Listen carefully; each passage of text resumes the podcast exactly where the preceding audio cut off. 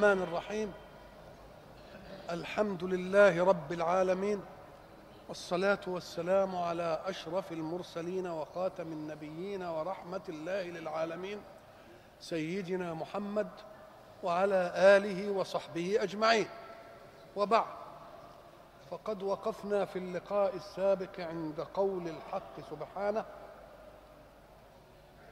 وبث منهما رجالا كثيرا. ونساء. بث معناها نشر. والنشر معناه تفريق المنشور في الحيز. شيء مطوي وشيء منشور. يبقى الشيء المطوي فيه تجمع والشيء المنشور فيه إيه؟ فيه تفريق وتوزيع. يبقى حيز الشيء المجتمع ضيق وحيز الشيء المبسوس واسع. معنى هذا أن الله سبحانه وتعالى حينما يقول وبث منهما يعني من إيه؟ آدم وزوجته حواء. بث منهما رجالا كثيرا ونساء اكتفى بان ونساء كثيرات. طب ليه؟ قال لك لأن المفروض في كل ذكورة أن تكون أقل في التكوين أقل في العدد من الانوثه أنت إذا نظرت مثلا إلى حقل فيه نخل تقوم تجد كم ذكر نخل وكم أنثى. ذكر اثنين يبقى القلة في الإيه؟ لأن الذكر مخصب. يستطيع الذكر أن يخصب إيه؟ آلاف. فإذا قال الله وبث منهما رجالا العنصر اللي مفروض إنه يبقى أقل كثير يبقى العنصر الثاني إيه؟ يبقى لازم يكون أكثر. لازم يكون أكثر. القرآن بيجي علشان إيه؟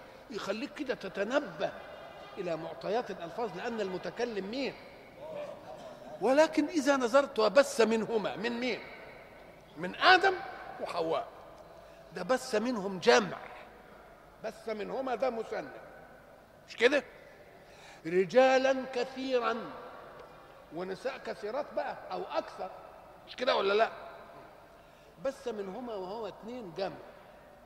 يبقى دلك على أن المتكاثر يبدأ بقلة ثم ينتهي بإيه؟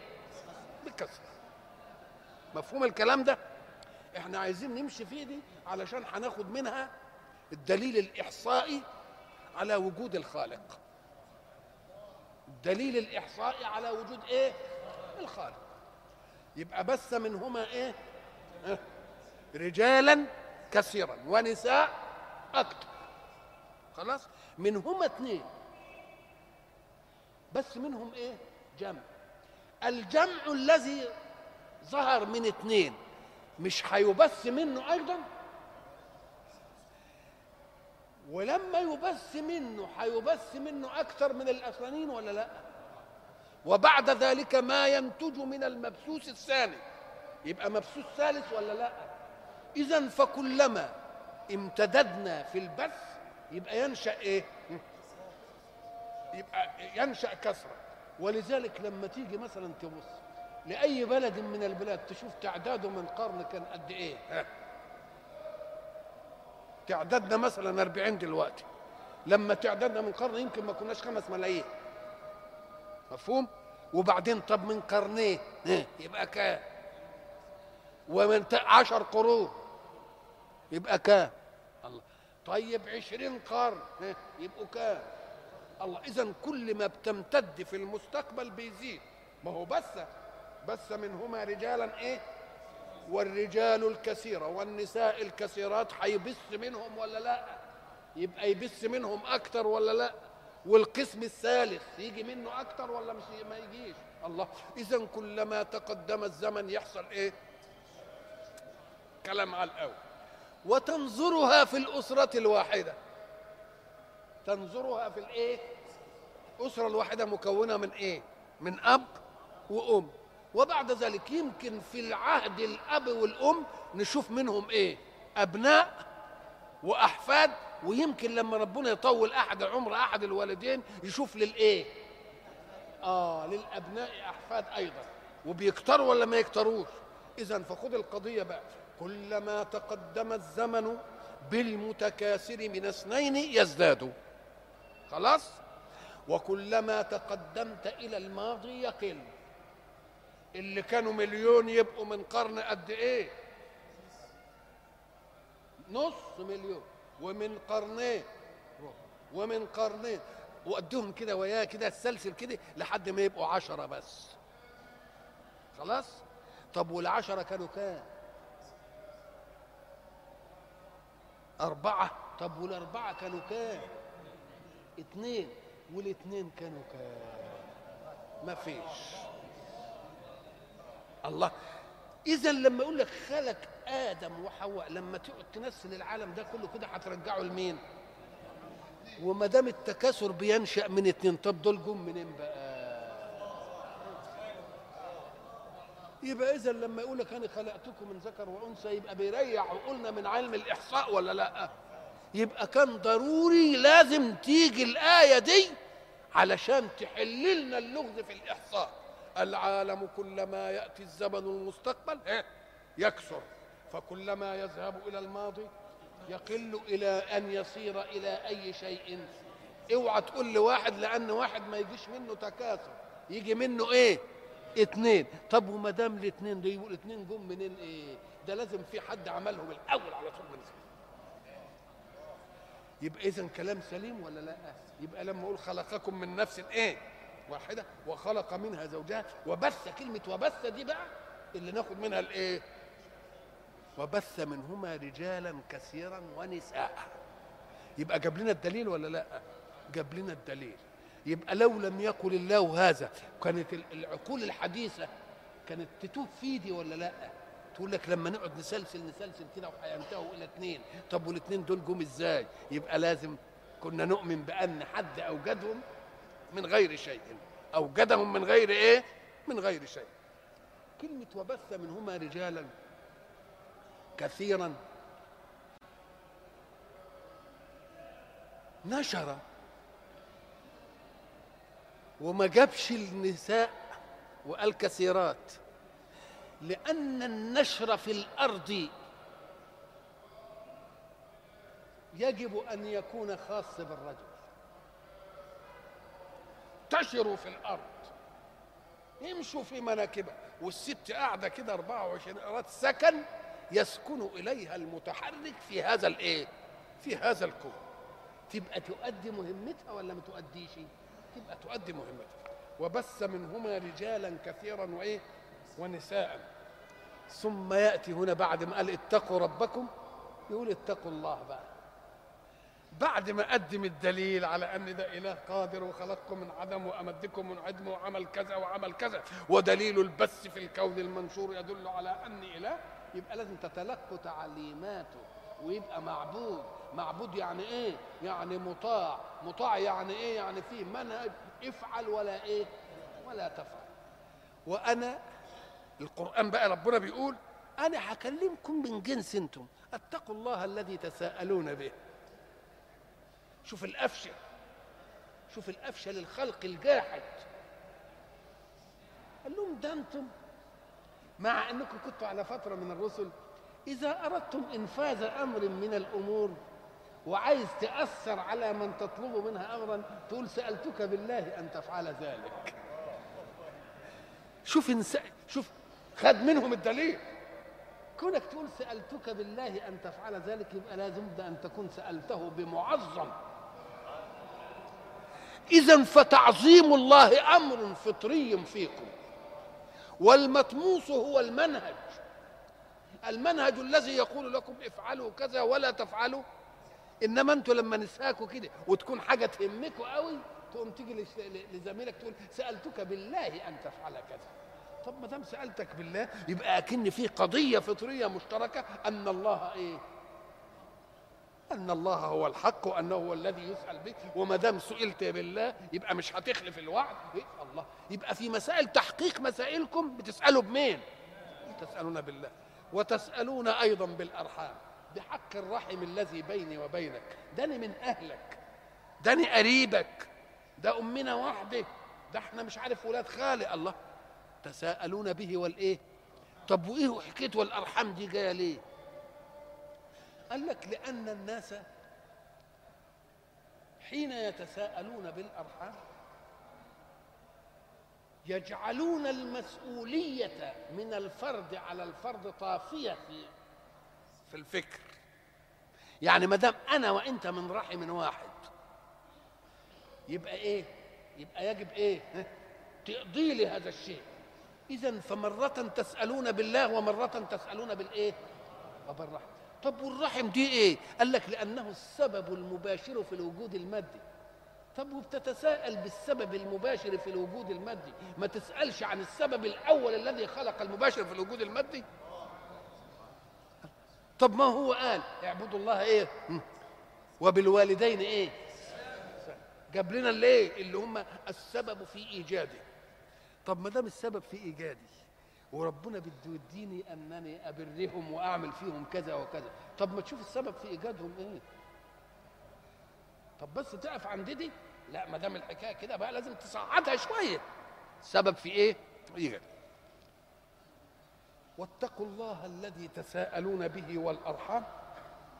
إن الله كان عليكم رقيبا. لأن كلمة اتقوا إحنا قلنا إيه؟ اجعل بينك وبين غضب ربك إيه؟ بإنفاذ إيه؟ اوامر الطاعة. طيب. إن الله كان عليكم رقيبا. أنتوا عارفين حتة المرقب؟ يقول لك دي مرقب. يعني في حتة عايزة تحرس كده يوم يوم يعملوا كشك كده فوق فوق السور كده ويقعدوا عليها الايه؟ الحارس يقول آه دي يعني بيبقى أعلى دائما من مين؟ آه. يبقى إن الله كان عليكم رقيبا. كلمة رقيب دي لأنك قد تنظر عن غير قصد وترى شيئا. إنما الرقيب ناظر عن قصد أن ينظر. ناظر يقول لك فلان بيراقب فلان. بيراقب فلان يعني يشوفه رايح طب ما في ناس بتشوف فلان رايح وجاي. قال لك إنما مش مقصود أن أرى فلانا. إنما في الرقابة يبقى أنا إيه؟ قاعد وقصده يعني عيني إيه؟ فكأن حركاته إيه؟ مرصودة ليا. إن الله كان عليكم رقيبا. مش بس بصير لأن الإنسان قد يبصر ما لا غاية له في إبصاره. يمر عليك كثير من الأشياء فتبصرها. إنما لا ترقب إلا من كان في بالك إيه؟ أهو ربنا عليكم إيه؟ رقيب. اللي هي بنقول إن ربك لبالايه لبالمرصاد يعني إن الله كان عليكم رقيبا. بعد أن تكلم عن خلقنا أبا وأما وبث منا رجالا كثيرا ونساء أراد أن يحمي هذه المسألة أن يحمي المبسوس. المبسوس قسمان. قسم اكتملت له القوة وأصبحت له صلاحية في أن يحقق اموره النفعيه بذاته وقسم ضعيف. لسه ليست له صلاحية أن يقوم بأمر ذاته. قال لك قبل بقى لما يجي عشان ينظم المجتمع لازم يشوف الضعيف ده. الضعيف اللي هيتكلم عليه هنا مين؟ اليتامى. ليه؟ قال لك لأن الحق سبحانه وتعالى حينما خلقنا من ذكر وأنثى اللي هو آدم وحواء لنا أطوار طفولية. الأب يكدح والأم تحضن ويربوا الإنسان التربية اللي منشأها الحنان الذاتي. ولذلك قلنا سابقا إنك تجد الحنان الذاتي والعاطفة توجد في قلب الأبوين على مقدار حاجة الابن إليهما. الصغير عادة ياخد من حنان إيه؟ ياخد من حنان الأب والأم أكثر من الإيه؟ من الكبير. دي عدالة في التوزيع. لأنك إذا نظرت إلى الولد الصغير والولد الإيه؟ ال- ال- الكبير والولد الأكبر تجد الأكبر أحظهم زمنا مع أبيه وأمه. مش كده؟ والصغير طبعا أقلهم زمن. فعايز يدي الزمن اللي اداه للولد قبل ما يجي كله يديه لمين؟ بده يعوض له. وأيضا فإن الكبير قد يستغني. والصغير لسه في إيه؟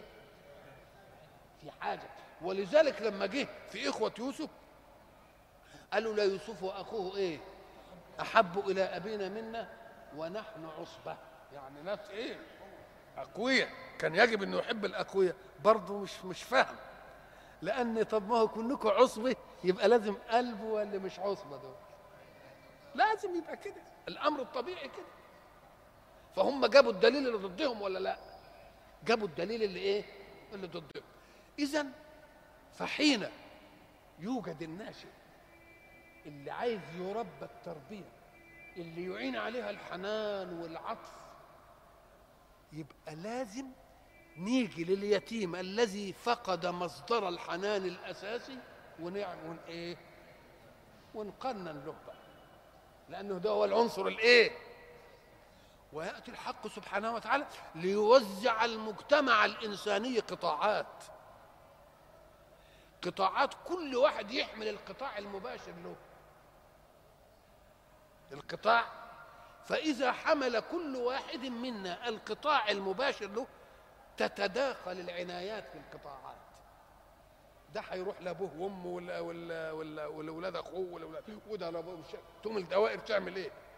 وبعد ذلك ينشأ مجتمع كله متكافل ولا لأ ما يجيبش هيئة كده يقول الحكومة لا وراعي اليتيم أنت وراعي لا ده عايز يعملها قطاع هذا القطاع يجعل وسائل الحنان فيه إيه؟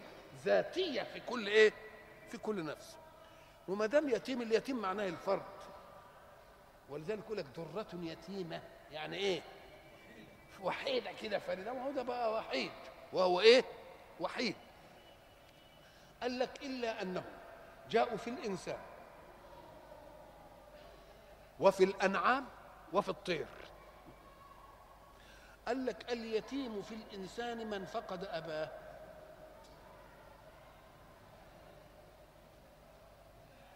واليتيم في الأنعام من فقد أمة ليه؟ قال لك لأن الأنعام دي طلوقة بتلقح وتنتهي ولا حد عارف هو إنما الام هي اللي إيه هي اللي بتربي وهي اللي هترضع وهي اللي إذا جه واحد تاني يمس بالزعة الله تبقى يبقى يبقى شوف العناية تبقى اذا اليتيم من الايه من الإنسان إيه؟ اللي فقد اباه ومن الأنعام ومن الطير من فقدهما معا. لأن الطير عادة الف زوج وإيه؟ وبيتخذوا عش ويجيبوا بيض ويقعدوا يزقهم وده يجري ويعملوها بعض ففي أسرية. في إيه؟ تبقى في إيه؟ أسرية. الحق سبحانه وتعالى جاء في اليتيم اللي هو مظهر الضعف في الإيه؟ في الأسرة الإنسانية.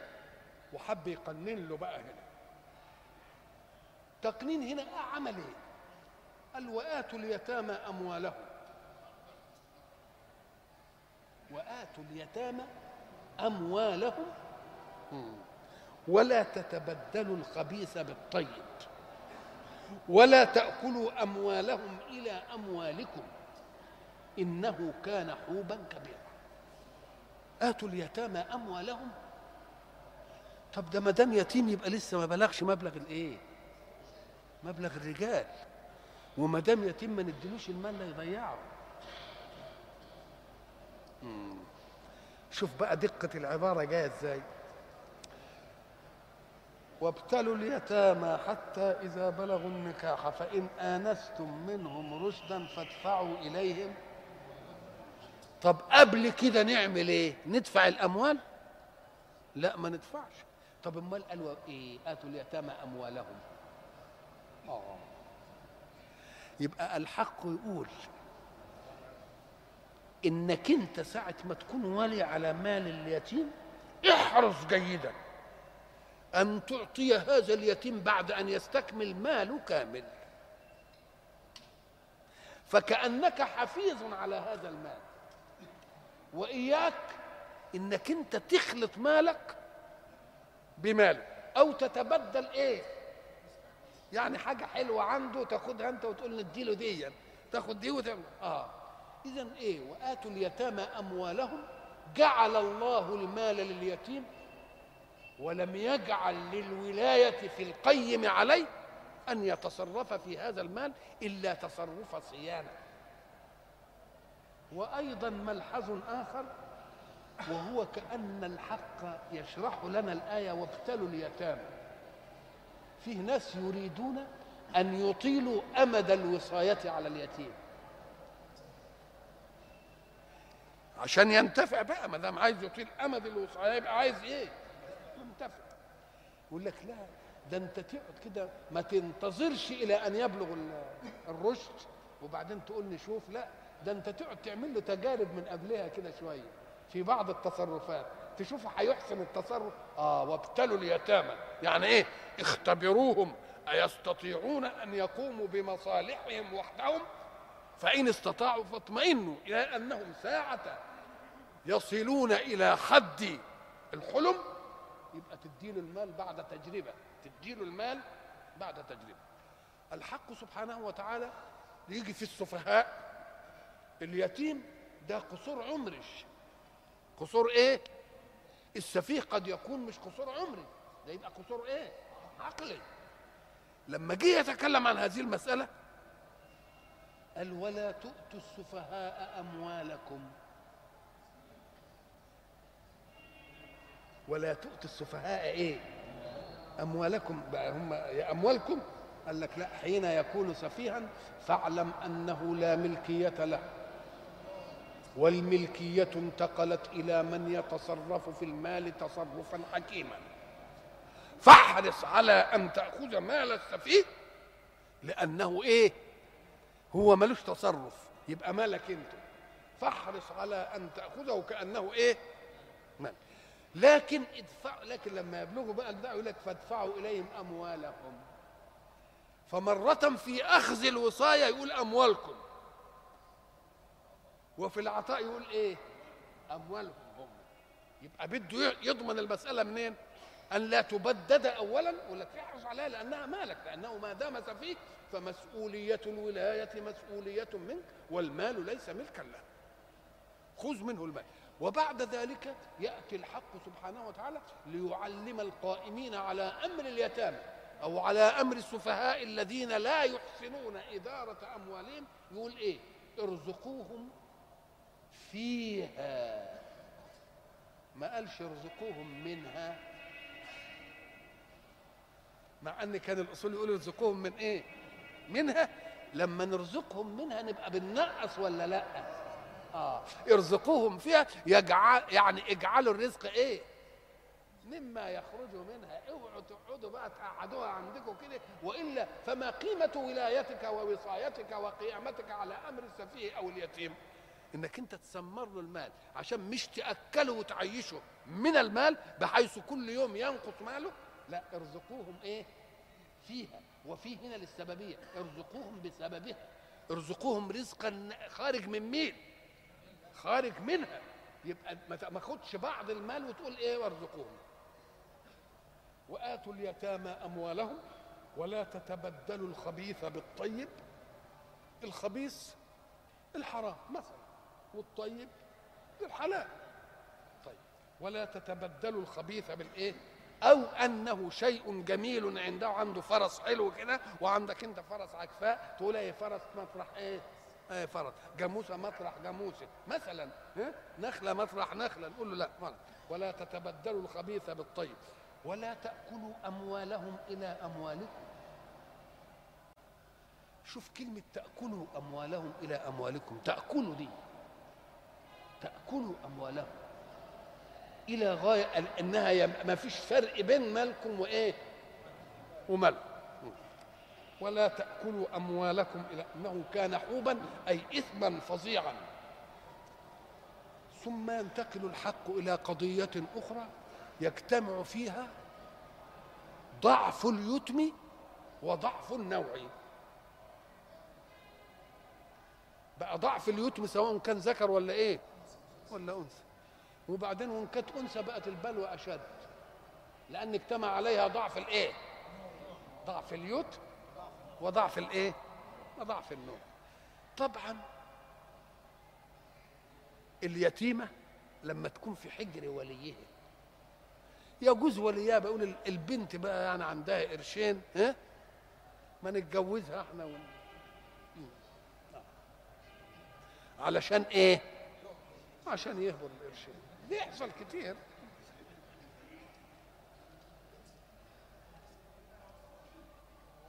فالحق سبحانه وتعالى يقول وإن خفتم ألا تقسطوا في اليتامى.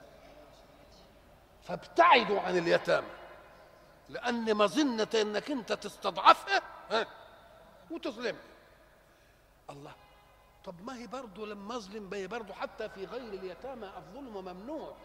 قال لك لا لأن الظلم مع اليتيمه الضعيفه دي ما تقدرش تدفع عن نفسها إنما الظلم مع التانية الكبيرة في النسوان التانيين يمكن تدفع عليه؟ تدفع عن نفسها وإن خفتم ألا تقسطوا تقسطوا من اقسطه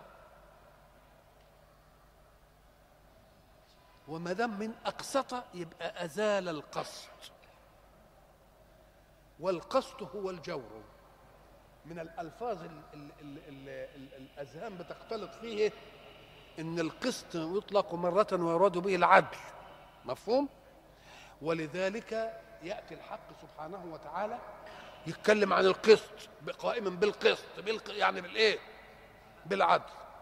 مع أن قسط تأتي مرة للعدل ومرة للجور. يعني من الألفاظ المشتركة والذي يفصل فيها المضارع. قسط يقسط ويقسط عدل. وقسط يقسط قسطا وقسوطا يبقى ظلم. يبقى القسط بكسر القاف هو الإيه؟ العدل. والقسط بفتح القاف ده الظلم. وله مصدر تاني اسمه قسوط.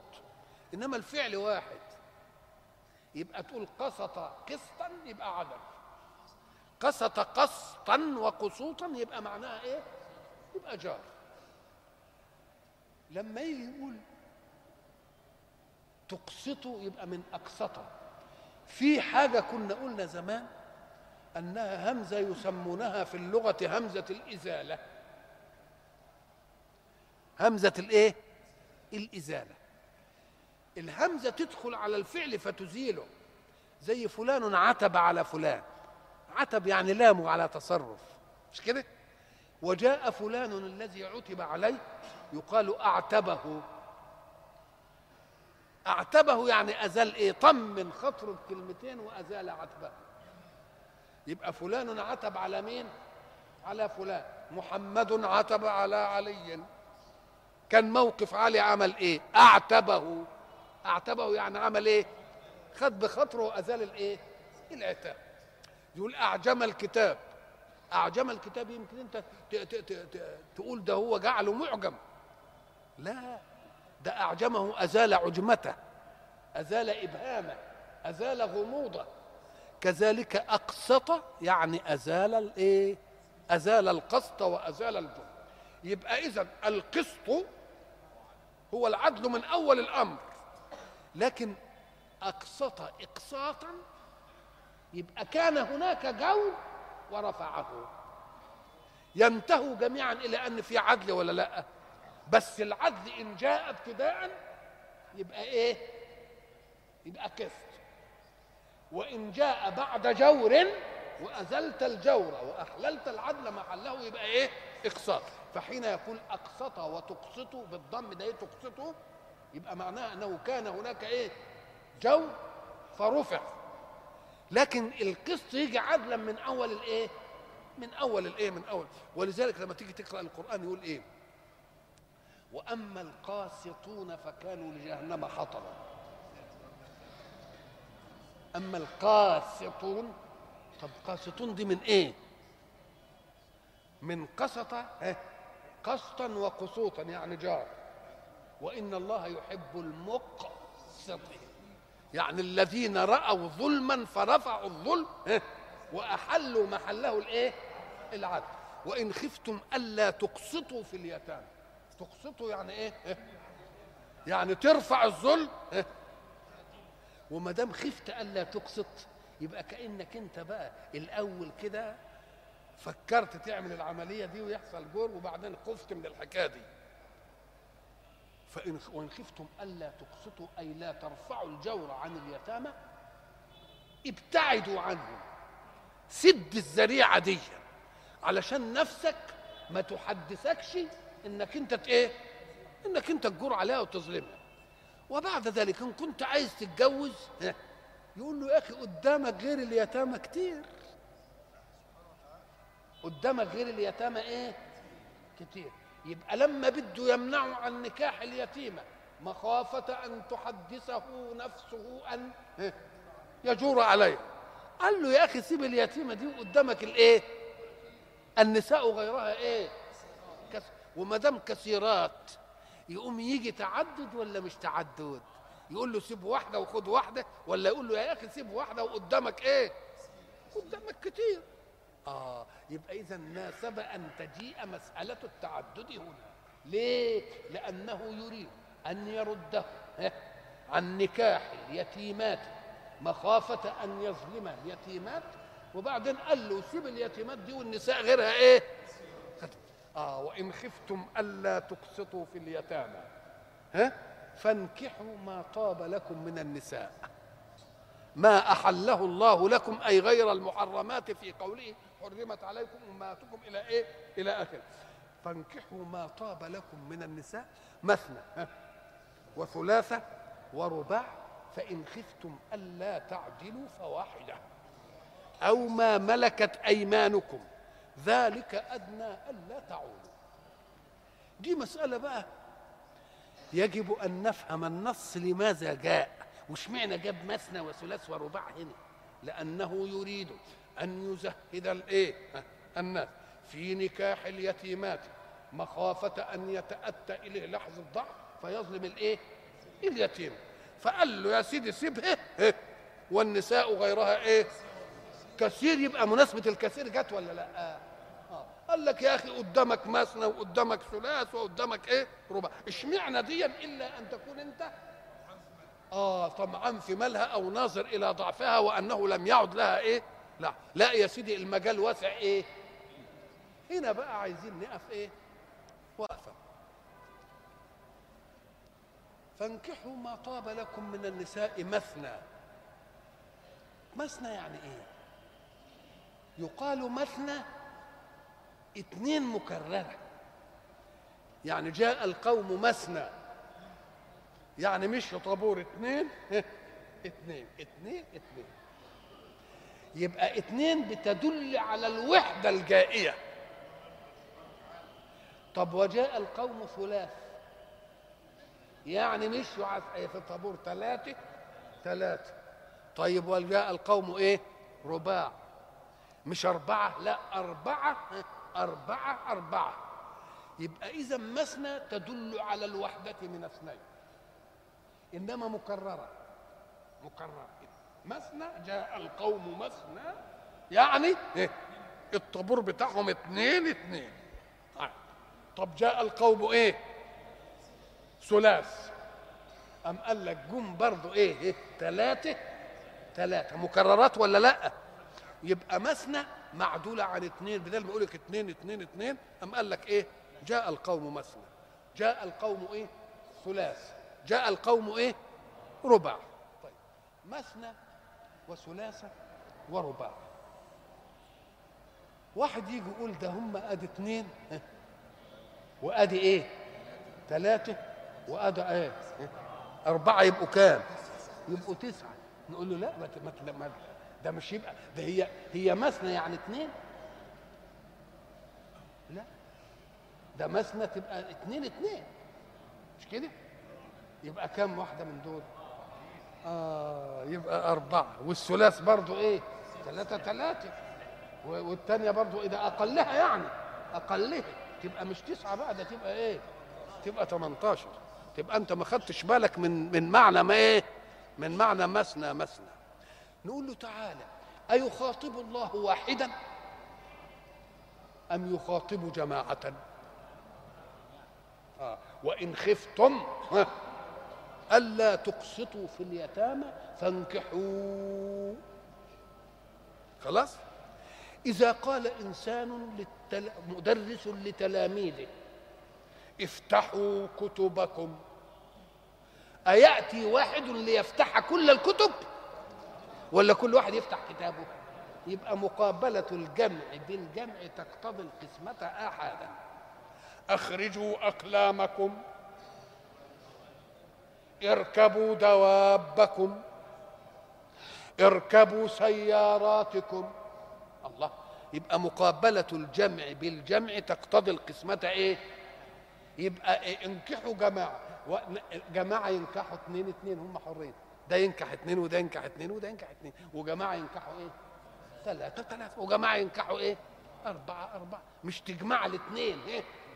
وثلاثة وأربعة لأن الكلام ده مش بيخاطب واحد ده بيخاطب إيه؟ وما دام بيخاطب جماعة تبقى مقابلة الجمع بالجمع تقتضي القسمة إيه؟ آحادا ده كلام على الأول هنا الحق سبحانه وتعالى حينما يشرع يشرع الحكم مرة يشرعه إيجابا ومرة يشرعه إباحة ما أوجبش عليك تعمل كده إنما أباح لك أن تفعل. فيه فرق بين الإيجاب وبين الإباحة. ده الزواج نفسه حتى من واحدة مباح مش كده ولا لا؟ يبقى إذن فيه فرق بين أن يلزمك الله أن تفعل وبين أن يبيح لك أن تفعل. حين يبيح الله لك أن تفعل ما المرجح في فعلك؟ رغبتك انت بقى. أم قال لك لا إذا أخذت الحكم فخذ الحكم من كل جوانبه خذ الحكم من كل ما تاخدش الحكم بإفادة التعدد ثم تكف عن الحكم بالعدالة. وإلا فسينشأ الفساد في الأرض. وأول هذا الفساد أن تشكك الناس في حكم الله. لأنك خدت إيه؟ خدت شق من الحكم ولم تأخذ الشق الآخر إيه الشق اللي أخذته؟ التعدد والشق اللي ما خدتوش العدل الناس بتضج أمام. التعدد ليه؟ لأن الناس شقوا كثيرا بالتعدد أخذا بحكم الله في التعدد وتركا لحكم الله في العدالة والمنهج الإلهي يجب أن يؤخذ كله. لماذا تكره الزوجة ال- أن يتعدد لأنها رأت أنها إذا تزوج بواحدة التفت بكليته وبخيره وبزمنه وببسمته وبعطفه وبحنانه عنها. فتكره ولا ما تكرهش؟ يبقى لابد أن تكره. يبقى الذين يأخذون حكم الله في إباحة التعدد يجب أن يلزموا أنفسهم بحكم الله أيضا في العدالة. فإن لم يفعلوا ذلك يشيعون التمرد على حكم الله. وسيجد الناس حيثيات هذا التمرد. يقول لك شوف ساب الست وعملها مش عارف ساب أولاده وكده الله نوجد لهم حيثية ولا لا؟ فكيف تأخذ إباحة الله في شيء؟ ولا تأخذ إلزامه في شيء آخر؟ فتشكك الناس في حكم الله. يبقى اللي بيعمل كده بيعمل إيه؟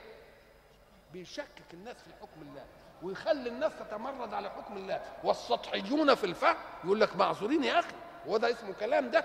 ما يتأتاش الكلام ده. آه يبقى اذا آفة الأحكام أن يؤخذ حكم جزئي دون مراعاة الظروف كلها.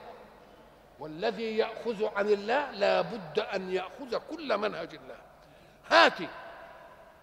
إنسانا عدلا في العشرة وفي النفقة وفي البيتوتة وفي المكان وفي الزمان ولم يجد هناك مبررا لأن يرجح واحدة على أخرى. إن فعلت شيئا فلن تجد لها حيثية أمام الناس. إنما حين يكون غير ذلك تجد لها الحيثية ولا ما تجدش؟ والصراخ الذي تسمعونه ضد منهج الله. نشأ من ماذا؟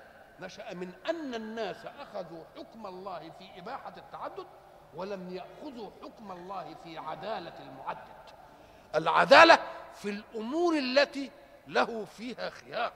أما الأمور التي لا خيار له فيها فلم يطالبه الله. ومن الناس بقى السطحيين ومنهم بعض العلماء يقول لك يا أخي الله قال إيه اعدلوا ثم حكم أننا لا نستطيع أن نعدل. نقول له بالله ده يبقى تشريع. يدي باليمين ويسلب بالشمال. يدي باليمين ويسلب بالشمال. تقول له ليه بقى؟ قال لك ولن تستطيعوا أن تعدلوا. تقول له أولم يفرع على عدم الاستطاعة؟ قال ولن تستطيعوا أن تعدلوا فلا تميلوا كل الميل. وما دام فرع على عدم الاستطاعة في العدل المطلق يبقى أبقى الحكم ولا لغى الحكم؟